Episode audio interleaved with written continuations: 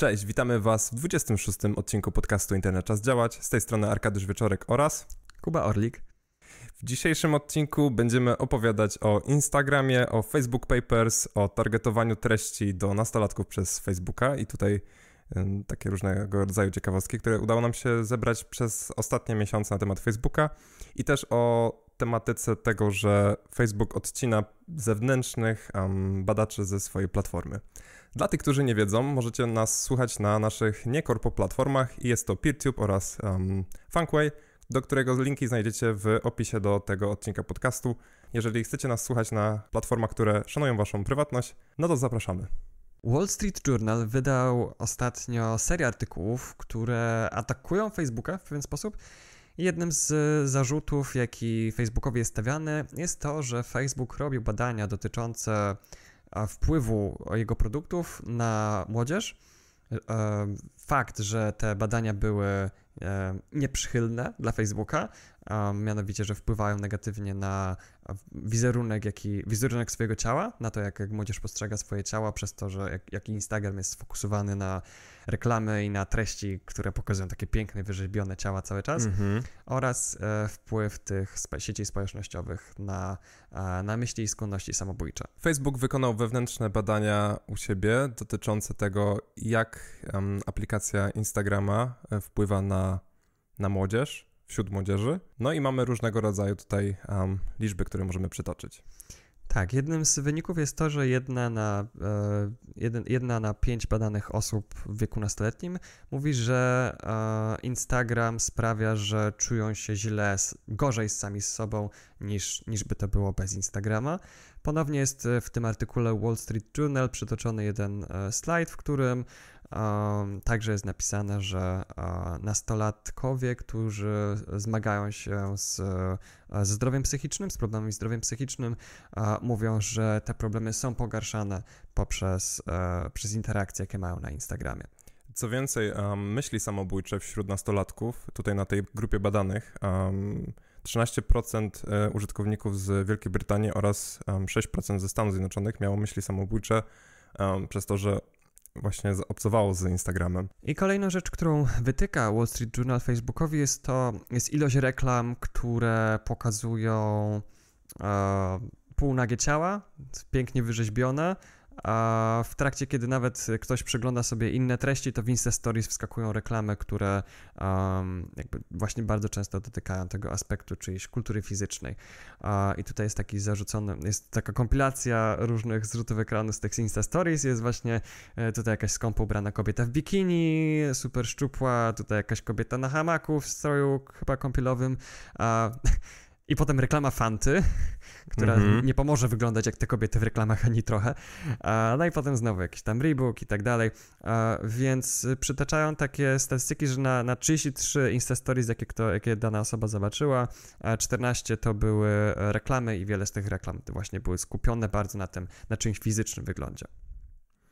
Jedną z ciekawych rzeczy, którą udało też mi się tam wyszukać w tym artykule, to wypowiedź dyrektorki z Johns Hopkins Hospital w Stanach Zjednoczonych, która właśnie też zauważa, że około połowy młodych pacjentów, którzy do niej trafiają, mają zaburzenia odżywiania związane z tym, przez to, że korzystają z Instagrama. I tutaj Idealny przykład właśnie takiego zdrowego podejścia do stylu życia nie rozwiązuje Instagram. Jest przykład um, takiej dziewczyny w wieku 19 lat, która postanowiła zacząć trenować, w sensie robić jakieś um, ćwiczenia fizyczne, um, zadbać o linię i tak dalej. I tak naprawdę Facebook, Instagram, który zbierał te informacje o niej, czego ona poszukiwała i jakich ćwiczeń poszukiwała i tak dalej. Funkcja Explore Page na Instagramie zaczęła pokazywać jej posty i, i, informacje o tym, jak schudnąć, jak stracić na wadze, nie jak zacząć ćwiczyć, jak wykonywać ćwiczenia, tylko właśnie jak chudnąć, więc jak dojść do tego idealnego typu sylwetki i tak dalej, przez właśnie odchudzanie między innymi. Więc, um, więc to jest taki komentarz od tej dziewczyny, że kiedy za każdym razem ona wchodzi na tego Instagrama, czuje się przez niego pochłonięta w ten, w ten właśnie sposób, nie? Mm -hmm. To jest... Y, nie korzystam osobiście z Instagrama, tak jak i Kuba, i nie mamy kont na Facebooku, więc e, no aż strach pomyśleć, jakby tak zacząć się angażować w, w te, tego typu właśnie tematy, bo jeżeli ten algorytm właśnie działa, w, on działa w taki właśnie sposób, żeby angażować użytkownika i żeby ten użytkownik, tak jak to robi większość social platform, żebyśmy jak najdłużej pozostali na tej platformie. A w związku z czym treści, które pokazuje Instagram, bardzo, ale to bardzo są takie uzależniające dla tych osób, nie? Tak, i to jest e, właśnie, to też porusza ten e, jeden z kolejnych tematów, jaki Wall Street Journal wytyka Facebookowi, i to jest e, aspekt moderacji treści, mhm. w którym to wyszło na jaw między innymi, że Facebook wyznacza osoby, które są VIP-ami, to są użytkownicy Facebooka, którzy, jak jacyś celebryci, znane osoby, politycy, których nie dotyczą zasady treści moderacji na Facebooku. Oni mogą napisać cokolwiek i Facebook tego nie zdejmie, bo po prostu mm -hmm. oni są mhm. chronieni przez tę platformę. Masz tutaj na myśli program X-Check? Mhm, dokładnie tak. Okay. Mhm. I jednym z, jednym z czynników, który prowadzi do tego jest to, i który też właśnie Wall Street Journal wytyka Facebookowi, jest to, że część e, osób z zarządu Facebooka, która jest odpowiedzialna za moderację treści, jest jednocześnie odpowiedzialna za dbanie o wizerunek Facebooka. Czyli ktoś odpowiada za moderację i ktoś odpowiada za PR. No i to powoduje konflikt interesów. I jak pokazują e, anegdoty podane przez Wall Street Journal, często jest tak, że um, no to jednak PR bierze górę nad, uh, nad jakby podejmowaniem słusznych decyzji, jeżeli chodzi o moderację, moderację treści. Bo jeżeli coś zwiększa engagement, no to będą, uh, no to mhm. będą raczej szli w to, żeby właśnie uh, było więcej zaangażowania, właśnie engagement, czyli to ile ludzie klikają, ile siedzą i tak dalej, e, no to będą się to starali zwiększać. Albo jeżeli będą mogli na przykład nie zdjąć jakiegoś fake newsa, ponieważ jakby zdjęli jakiegoś newsa politykowi, to ten polityk by zaczął źle mówić o Facebooku i, mm -hmm, e, i to by mhm. uszkodziło wizerunek Facebooka, e, no to tym bardziej im się opłaca um, chować do szuflady zasady moderacji w momencie, w którym to może skrzywdzić ich, e, ich publiczny wizerunek. I tak, nawiązując jeszcze właśnie do public relations e, Facebooka, to fakt na przykład taki, że Facebook wspierał finansowo badania dla Oxford Internet Institute, który to badał między innymi miał wykazać i wykazał e, nikłe powiązania pomiędzy depresją a używaniem społecznościowych mediów wśród e, nastolatków. Mhm. I, i, I to też właśnie tak jak to, co właśnie wspomniałeś, że głównie dla niego liczy się PR, czyli nie, nieważne jest tak naprawdę, co zrobi, ważne, żeby dobrze o nim mówiono, e, przynajmniej się stara, stara, w cudzysłowie, żeby dobrze o nim mówiono, nie? Mhm. Albo żeby nie mówiono źle. Mhm. Um, więc tak. No i to jest y, y, kolejny zarzut od Wall Street Journal jest taki, że Facebook robi badania na temat szkodliwości Facebooka i Instagrama, a następnie nie publikuje wyników tych badań. Więc. Yy... Czyli mamy tak naprawdę dwie instancje. Pierwsze to jest to, że on wie, jak wygląda, drugie to, jak on się chce prezentować przed publicznością, nie? Publicznie. Mm -hmm. Mm -hmm. Tak, i Wall Street Journal właśnie zaznacza to, jaka jest rozbieżność pomiędzy tym jednym i drugim wizerunkiem, między wizerunkiem a prawdą de facto. Um, I Facebook ustosunkował się do, um, do tego, do tych zarzutów od, od Wall Street Journal i opisał, że w tym badaniu, które cytuję Wall Street Journal, były także badane inne aspekty i były zadawane wiele więcej pytań, na które y, pokazywały Facebook w pozytywnym świetle, na które odpowiedzi pokazywały Facebooka w pozytywnym świetle. Więc y, no, tutaj Wall Street Journal skupił się tylko na tych e, aspektach, które jakby mieszały Facebooka z złotem, nie? Um, tak, tak, I tak. w rzeczy samej, w tych badaniach Facebook mówi, że um, większość e, osób określiła, że wpływ Instagrama taki ogólny na ich życie jest pozytywny. Um, ale też jakby mm, mówi, że w tym badaniu brało udział 40 osób, mhm. co nie jest super miarodajne, a wydaje się, że przynajmniej że, że jakby jeżeli to miałoby dawać jakieś istotne rezultaty, to, to musiałoby być badanie na szerszą skalę. Więc, więc zarówno Wall Street Journal, jak i Facebook no tutaj kłócą się o coś, co super miarodajne nie jest. No a poza tym też e, nie zapominajmy, że Instagram i Facebook mają w sobie mechanizmy uzależniające, nie? I to jest tak mhm. jak e, z, to jest tak jak z palaczami, jak się spytasz palacza, e, czy palenie jest dla niego dobre, jak, jak to w ogólnym rozrachunku to ocenia, no to, to często uzyskasz odpowiedź, że, no, że właściwie to wychodzi na plus, bo na przykład się relaksuje, albo że to jest uspołeczniające i tak dalej, i tak dalej, nie? Bo to jest jeden właśnie z genialnych mechanizmów w naszej głowie, którym, który nauk wykorzystuje, który jest cię w stanie przekonać, że ty potrzebujesz tej substancji, albo że ty potrzebujesz tej aktywności, albo że ty potrzebujesz tego um, narzędzia cyfrowego um, do tego, żeby funkcjonować, a to nie jest tak, że jesteś uzależniony. To jest twój wybór, mogę przestać w każdym momencie. I tutaj warto nadmienić, że Facebook w swojej odpowiedzi na tę serię artykułów Wall Street Journal mówi, że, że te badania były na bardzo małą skalę robione i że w nich brało tylko udział te 40 osób, ale Wall Street Journal mówi, że to były dziesiątki tysięcy osób w tych badaniach, więc pewnie mówimy o serii różnych badań, o różnej skali, ale obydwa artykuły po obydwu stronach, Wall Street Journal i Facebook, jakby skupiają się na różnych krańcach tej skali. I mamy słowo przeciw słowu, tak naprawdę. Mhm. Więc tak naprawdę potrzebujemy niezależnych badań, takie, za które nie zapłacił Facebook, żeby wyniki były mhm. pozytywne, i takie, które no, po prostu mają większą szansę być obiektywne. I e, byli badacze, którzy próbowali zrobić takie zadania i nie skończyło się to dla nich dobrze. Tak, generalnie to byli badacze z e, New York e, University Ad Observatory Project i to były osoby, które badały dezinformację na Facebooku. I Facebook posiada takie narzędzie, które się nazywa CrowdTangle i to jest um, narzędzie, w którym możemy sprawdzić zaangażowanie tych, um, klikalność tych postów w, w platformie, tych reklam um, i właśnie pobierać tam te dane. Tylko problem, jaki można tutaj zauważyć, jest to, że to Facebook dostarcza te dane. To nie jest coś, co jest badane przez badaczy jakoś w sposób zewnętrzny. No tutaj patrzą i okej, okay, tutaj nam Facebook powiedział, że taka była klikalność danego posta, i to są dane, które idą prosto z Facebooka, to co Facebook chce udostępnić. I teraz um, badacze, którzy się właśnie zajmowali tymi rzeczami, um, wykazali, że pomiędzy sierpniem 2020 roku a styczniem 2021 roku sześć razy częściej klikano um, posty, które były dezinformacyjne, niż posty, które były prawdziwe. I tutaj dla przykładu 36% um, pochodziło z lewicowej strony dezinformacji i 68% postów z prawicowej części. Um, I Facebook de facto zablokował konta tych badaczy, dlatego że ci badacze zaprojektowali taką wtyczkę, która się nazywała Ad Observer która miała na celu zbieranie informacji od użytkowników na temat reklam politycznych, którzy oni widzą.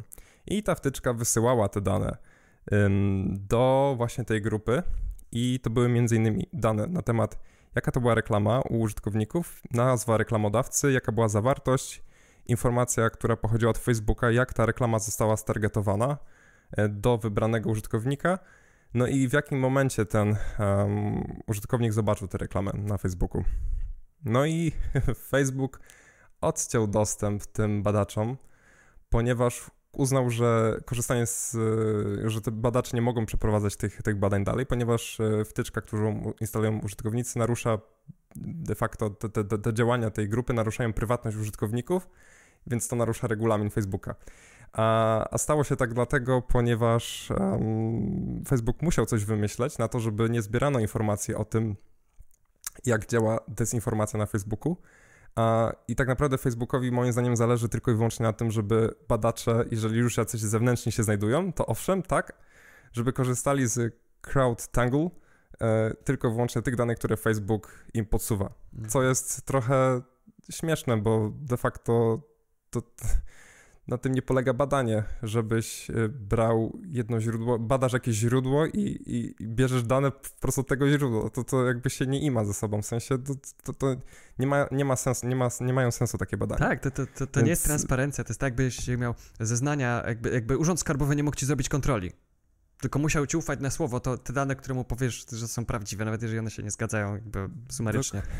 No, no właśnie, więc um, moim zdaniem w ten sposób tak naprawdę Facebook robi to, co chce robić, czyli broni interesów swoich klientów, czyli interesów swoich reklamodawców, um, kosztem zdrowej demokracji i zdrowego internetu. I tyle można powiedzieć odnośnie, moim zdaniem, odnośnie tej grupy.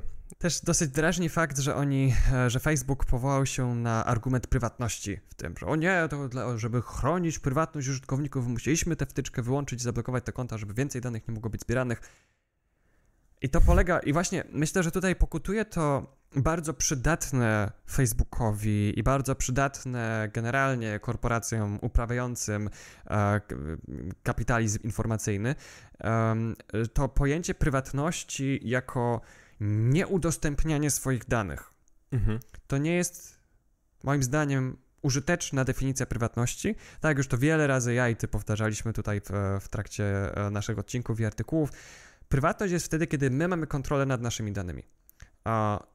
I możemy ją praktykować poprzez niewysyłanie tych danych nigdzie, w czym Facebook mhm. w ogóle nie pomaga, ponieważ gdziekolwiek ktokolwiek osadza link do Facebooka, to Facebook jest informowany o tym, że dokładnie ta osoba odwiedziła dokładnie taką stronę. Dokładnie. Więc e, sorry Facebook, ale, ale nie udawaj w ogóle, że prywatność jest na, na twojej liście priorytetów. Um, a po drugie, e, ktoś może stwierdzić, mając tę kontrolę nad informacjami, ktoś może w tej definicji prywatności powiedzieć, że hej, chcę je komuś udostępnić. Ja mam kontrolę komu i to jest kwestia mojego zaufania do tego podmiotu, czy ja te e, dane udostępniam mu, czy nie. To jest prawdziwa prywatność, która pozwala nam mieć właśnie tego typu kontrolę i wymuszać transparencję na temat tego, jak dane są przetwarzane przez firmy, do, które mają dosyć duże trudności z zdobyciem naszego, naszego zaufania. Inną grupą była e, niemiecka grupa od Algorithm Watch, której zadaniem było stworzenie wtyczki o właśnie takiej nazwie do zbierania informacji na temat, jak platforma priorytetyzuje dane e, pokazywanie się postów, zdjęć, filmów na naszym feedzie. I tutaj również e, ta grupa otrzymała tę samą reakcję z Facebooka, to znaczy zablokowanie kont i grupa musiała z obawami przed kolejnymi krokami prawnymi zakończyć swoje działania. I tutaj jakby argumentacja Facebooka była taka, ponieważ po pierwsze naruszacie nasze warunki użytkowania, bo, bo używacie scrapera, który ściąga dane z tych feedów i wysyła gdzieś, ale użytkownicy dobrowolnie instalowali tę wtyczkę, żeby jako wolontariusze pomóc tej grupie zbierać te dane na temat algorytmu Facebooka. Mhm. A drugim aspektem było to, na które się jeszcze Facebook powołał, to że feed, który widzimy na Facebooku, również zawiera informacje od, od innych użytkowników. To znaczy, że nasz znajomy na przykład coś wrzuci, no to to jest nasz konkretny feed. Jakby celem wtyczki było to, żeby wysyłać informacje o naszym feedzie, no takim jakim jest. A z drugiej strony Facebook właśnie powołując się na to, że w przypadku użycia takiej wtyczki również biorą udział inni użytkownicy, którzy nie wyrazili zgody na, na takie badanie, ale właśnie tutaj dochodzi ta taka socjalna natura Facebooka, że mm, Facebook uważa, że no nie da się wyizolować e, danych na temat jednego użytkownika na naszym wallu, to niech to niech to wprowadzi, niech to zrobi, ale Facebook tego nie chce zrobić, ponieważ gdyby to zrobił, to byśmy się dowiedzieli więcej o jego algorytmie. Tak, tak. Uważam, że Facebook powinien dawać jakiś sposób na to, żebyśmy mieli transparencję i żeby to nie były mhm. dane, które są przygotowane przez niego, tylko żeby to były dane, które możemy sami zebrać. A więc jakby no jednym z takich rozwiązań, które mi przychodzi na myśl jest e, chociażby udostępnienie takiej, takiego guzika, że możemy w, włączyć w naszym wallu, na naszym feedzie, jak nie wiem, jak to ładnie jest przetłumaczone na polski, wall feed. Ścianie. Na ścianie, o Boże. No. Dobrze, no to możemy włączyć na naszej ścianie taką opcję, że są zanonimizowane na przykład imiona i nazwiska osób, które postowały te, te dane, mhm. albo mhm. na przykład, żeby udostępnić, mhm. żeby udostępnić śledzenie tego typu, włączanie tego typu scraperów, na przykład na widoku, który zawiera tylko i wyłącznie treści, którzy, które użytkownicy umieścili jako publiczne, a nie na mhm. przykład z prywatnych grup i tak dalej. Więc jak to jest tak jak publiczne i dostępne z, że tak powiem, z szerokiego mhm. internetu, nawet tak, bez konta tak, na tak, tak, Facebooku, tak, no to możemy to potraktować jako publiczne i potraktować to jako część danych. Więc jest tutaj pewna jakby szara strefa pomiędzy tym e, e, roz, spojrzeniem tej, tej grupy, że hej, to są dane użytkowników, mają na swoim feedzie, niech robią z nimi co chcą, a podejściem Facebooka, że nie, te dane zawierają dane umieszczone przez innych użytkowników, więc kategorycznie nie możecie przetwarzać żadnych z nich, ponieważ można je zanonimizować, można je wyczyścić, można je jakoś przygotować tak, żeby, e, żeby nie naruszały dóbr osób, mhm. które nie wyrażały udział, zgody na, na, na branie w tego typu badaniu. Więc jest, jest, jest, jak jest chęć, to jest wola, nie? Ale tak, korporacje i... bardzo często nie chcą rozwiązywać problemów, które same tworzą, tak? Na przykład mm -hmm. to, jak hulajnogi się te elektryczne walają po mieście wszędzie um, i hulajnogi bardzo, jakby nie, nie, te firmy nie wdrażały żadnych własnych rozwiązań, żeby, żeby temu zapobiec, póki ich prawo do tego nie zaczęło zmuszać, nie? Mm -hmm, dokładnie. Więc e, no jeszcze opcją byłoby to, żeby Facebook na przykład um, dawał możliwość na naszym wallu wyłączenia wszystkich postów, które nie są nam podsuwane, wiesz, bo mamy tutaj posty firm, różnych e, reklamodawców, czyli klientów Facebooka, mhm. które nam się pojawiają i też um, po prostu posty będące jakby pochodzące z, od naszych znajomych. Gdybyśmy chociaż mogli to wyłączyć, nie widzieć postów od naszych znajomych, tylko i wyłącznie posty od tych klientów Facebooka, mm to, to dalej, czy to znowu Facebook by się powołał na to, że mm, teraz wysyłacie dane o, o, o czym, nie? wiesz, naruszacie prawa co naszych klientów, y, bo... Tak, no, no to, znaczy, to byłby już jakiś krok do przodu. Owszem, nie moglibyśmy badać wtedy samego tego wpływu Facebooka na to, tak, które z tak, postów tak, tak, naszych, tak. naszych znajomych widzimy, ale chociażby na te posty sponsorowane, czy właśnie posty, które są publiczne i tak dalej, to już by było coś. To już było więcej niż mhm. nic, nie? A Facebook jakby zdaje się dążyć do tego, żeby badacze mieli do wyboru nic albo dane, które Facebook przygotował. Czyli w takim przypadku Facebook stosuje strategię See No Evil, której tak naprawdę celem jest um, nie widzieć żadnego zła tutaj e, i podsuwać użytkownikom po pierwsze treści, za które klienci Facebooka zapłacili słono, żeby do nich dotarły i po drugie treści, które będą według Facebooka, czyli jego algorytmu, dostosowane najbardziej do tego, żeby utrzymać nasze zaangażowanie na platformie. I to są tak, na, to są tak naprawdę takie dwa główne kierunki rzeczy, które widzimy na naszym wallu. I See No Evil jest y, strategią, która się bardzo opłaca, bo często y, jakby zdarzają się sytuacje, w których jeżeli w jakimś postępowaniu sądowym udowodnią, że na przykład tak, korporacja coś robiła, ale CEO o tym nie wiedział. No to mhm. wtedy jakby y, jakiś tam kozioł ofiarny wybrany przez firmę, który tak siak dostanie od firmy więcej pieniędzy niż zapłaci kary za to, co zrobił, y, dostaje tę karę, y, ale nie firma sama w, sama w sobie, nie? I jakby firma jakby w obliczu prawa jest czysta. więc tak, no Evil się opłaca. Jeszcze, jeszcze jak wspomnieliśmy o tych nastolatkach, to też przypomina mi się wypowiedź a, przed kongresem w Stanach Zjednoczonych na przesłuchaniu a, Zuckerberga, jak mówił o tym, że on z naszych badań tak naprawdę wynika sam pozytywny wpływ social mediów na młodych ludzi mhm. i no nie, nie, nie, widzi tutaj żadnych um, na twarz, nie widzi tutaj żadnych rzeczy, które by źle wpływały, nie? Mhm. Mhm. No ale też e, trzeba przyznać, że Facebook e, ma też powody do tego, żeby pilnować, żeby nie było żadnych skraperów, żeby nie było drugiej Cambridge Analytica, nie? Tak, Tylko tak, tak, tak jakby tak znowu to stoi w opozycji do transparencji i od tak wielkiej firmy możemy oczekiwać czegoś lepszego i, i, i większego starania. Tylko o ile pamięć mnie nie myli, to Cambridge Analytica była powiązana z Facebookiem, działa w współpracy. Jeżeli masz tutaj jakichś zewnętrznych badaczy, którzy w zasadzie niezależnie od Facebooka postanawiają coś sprawdzić, mhm. o ile Tylko, się nie mylę. Tylko, że problemem z Cambridge Analytica głównym było to, że o, ktoś wyrażał zgodę na udział w badaniu, a mhm. w badaniu były także informacje jego znajomych. Mhm. Dane mhm. jego znajomych. Okej, okay, no to to znowu jest ten sam case w przypadku, ten, na który się teraz Facebook powołuje. Um, ale również te grupy, które przygotowują te badania, mogą te dane anonimizować, więc. Um... Jeżeli nawet anonimizują cudze dane, to znaczy je przetwarzają. Nie? Nawet jeżeli wtyczka zdobywa czyjeś imię i nazwisko osoby, która nie była, nie, nie wyraziła zgody w badaniu i potem przed wysłaniem je anonimizuje, to tak jak już je przetworzyła w pewien -hmm. sposób. No, mm. Tak. Um, ostatnią tutaj rzeczą, której chcieliśmy dzisiaj poruszyć, to targetowanie treści dotyczących nastolatków na Facebooku.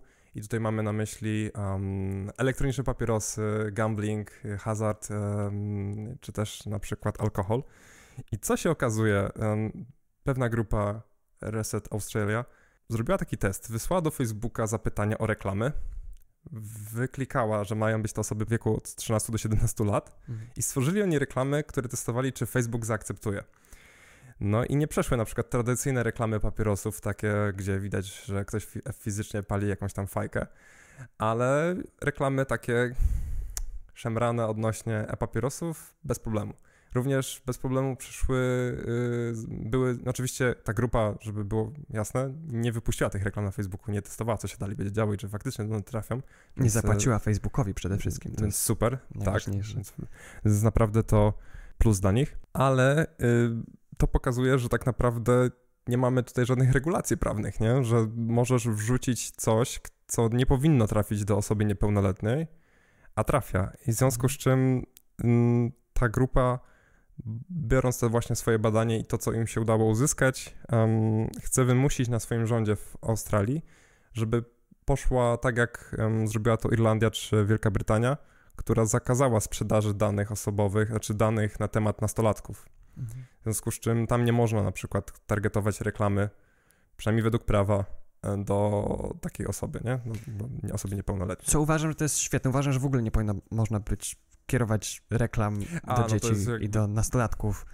Bo to są podatne umysły, jeszcze nie są, wiesz, no. No, uważam, że jeżeli mamy zawierać, bo marketing to są triki manipulacyjne, no i proponuję je że... używać tylko na osobach dorosłych, które wyraziły na to zgodę, a nie wszędzie, na każdym billboardzie. I zwłaszcza temat -hmm. tych e-papierosów mnie zastanawia, bo jest niesamowicie bagatelizowany. W Polsce jest na przykład zakaz reklamy -hmm. e-papierosów, a, a, w każdej żabce są reklamy. Jakby tuż przy kasie, wielkie, jeszcze się świecą. I jakby, mm więc, więc, a, więc podobnie może y, działa to w Instagramie odnośnie papierosów, ale że hazard i alkohol i jeszcze aplikacje randkowe, a, że, mm że takie no tak, reklamy tak, tak. Instagram wyraził kasę. No jak ktoś jest gotów zapłacić, to... Nie, ale wiesz, sam fakt, masz tutaj um, reklamę w internecie, o ile jeszcze Oczywiście, dobra, no z żabki możesz skorzystać, będąc niepełnoletni, więc mm. tak ujrzysz tę reklamę, więc to w zasadzie nie ma większej różnicy pomiędzy reklamą internetową, bo tam też nie wiesz, kto naprawdę odwiedza twoją stronę w danym momencie i kto tam przegląda to. Tym bardziej, jak jesteś, jak jesteś Facebookiem, to wiesz, że kto jest nieletni. Dokładnie. I tym bardziej możemy takiej reklamy nie pokazać. No więc właśnie, więc, yy, więc to jest taki aspekt, który również tutaj kamyczek znowu wrzucamy do, do tej ogródka Facebooka, zarzutów naszych odnośnie tego, jak ta platforma działa. Że jest par ogród botaniczny, a nie ogródek. No, no, no. Na koniec chcieliśmy by tutaj również wspomnieć o tym, że mamy odcinek o tym, dlaczego żyjemy bez Facebooka i jest nam z tym dobrze. E, jest to strasznie obszerny i długi odcinek. Bardzo polecamy. Nie, nie, nie polecamy oglądać, bo jest tragicznie, jeżeli chodzi o wideo, ale jest esencja tego, dlaczego nie korzystamy z Facebooka i też takich różnych um, aspektów, które nas dotykały w, w takiej właśnie sferze mentalnej, um, fizycznej, trochę um, tego, jak postrzegamy tę platformę i, i, i dlaczego wolimy na przykład korzystać z Mastodona i o tym, versus... jak, jak rezygnowaliśmy korzystania, z, z korzystania z Facebooka. Też, tak, bo te jakby proces. nasze historie są totalnie inne. W moim przypadku, spoiler alert, e, było to z dnia na dzień. U Kuby to był proces, w którym informował swoich znajomych, że tu będzie taka forma kontaktu i tak dalej. Um, nasza lista znajomych się znacznie skróciła. Może to lepiej idźmy na jakość, nie na ilość. E, więc e, tak, no jeżeli ktoś nie chce uszanować naszej woli i nie chce się z nami skontaktować, pomimo posiadania każdego, każdego przez nas e, osób w dzisiejszym świecie jakiegoś telefonu komórkowego, czy smartfona, czy czy nawet dajmy na to adresu pocztowego, gdzie możemy wysłać jakiegoś, jakąś pocztówkę, list czy cokolwiek, to są inne formy, sposoby komunikacji, nie musi być to tylko i wyłącznie Facebook, więc um, pozdrawiam osób, które nie chcą się ze mną kontaktować, ponieważ nie posiadam konta na Facebooku. ja ci wyślę pocztówkę niedługo. A dziękuję. to ja tobie też. no. I na koniec, jeżeli chcesz e, wspomóc naszą inicjatywę Internet Czas Działać, to zapraszamy Cię na naszego Patronite'a. Link do naszego bloga znajdziecie w opisie um, do tego odcinku. Mamy na naszym Patronite trzy cegiełki. Pierwsza to cegiełka za 3 zł. Jest to cegiełka, która mówi nam hej, robicie dobrą robotę. Nikt tego nie wybrał, ponieważ większość wybrała cegiełki 7 i 14 zł, a tak naprawdę nie większość, tylko wszyscy użytkownicy, którzy zdecydowali się nas wesprzeć. 7-złotowa cegiełka daje Wam możliwość do dojścia do naszej grupy na Telegramie, a także na Matrixie. Są to mm, grupy, które się wymieniają informacjami, wiadomościami, więc można być tu lub tu, albo tu i tu, jak to woli. Zamieszczamy tam materiały pozakulisowe, dyskusje na temat e, różnych tematów, które byśmy chcieli poruszyć. Również są tam też tematy technologiczne, więc jeżeli jesteście jakimiś frikami, geekami, to zapraszamy. Czasem udzielamy jeżeli... wsparcia technicznego. Y, tak, nawet jak korzystacie z Windowsa, zapraszamy. A... I 14-złotowa cegiełka jest to taka sama cegiełka, ale też tutaj mamy taki dodatkowy aspekt, że wyczytujemy um, osoby, które właśnie wybrały tę największą cegiełkę i zrobi to teraz Kuba. Tak, osoby, które wybrały 14-złotową cegiełkę a, i a, wykazały się dużą hojnością we wspieraniu nas, to są Grzegorz Cichocki, Sylwester Brzeczkowski, Miklo, Zbych Gałęza, Robert Wolniak, Marcin Karwowski, Grzegorz Hilczuk, Ernest Wiśniewski, Czarny Las i Krzysiu Weiss. Świetnie zawsze się rymują te dwa, os- te, te dwie, dwa, ostatnie patrony. I teraz na koniec um, zapraszamy Was na naszego bloga. Jeżeli Was interesują te właśnie tematy na temat prywatności, kontroli użytkowników, to również są tam nasze inne odcinki, inne artykuły na ten temat. I jeżeli chcecie coś nam powiedzieć e, na temat e, Facebooka i tego tematu, którego dzisiaj poruszy- poruszyliśmy, to zapraszamy Was na naszego PeerTube'a, gdzie możecie komentować, na naszego Mastodona, a także na inne korpomedia, wyliczając tutaj Spotify'a, na którym nie można zakomentować niczego, ale na przykład YouTube'a i również Facebooka, bo posiadamy tam konto z uwagi na to, żeby dotrzeć do osób, które jeszcze nie wiedzą o tym, że nie mamy konta na Facebooku, naszych osobistych kont. Tak. Możecie też, także napisać maile i zostawiać komentarze pod postem na, na blogu, gdzie wszyscy będą je mogli zobaczyć. Um, więc, czyżbyśmy dopłynęli do brzegu? Tak, dopłynęliśmy, więc kończymy. Pozdrawiamy Was serdecznie i do usłyszenia w kolejnym odcinku. Do usłyszenia. Cześć. Cześć.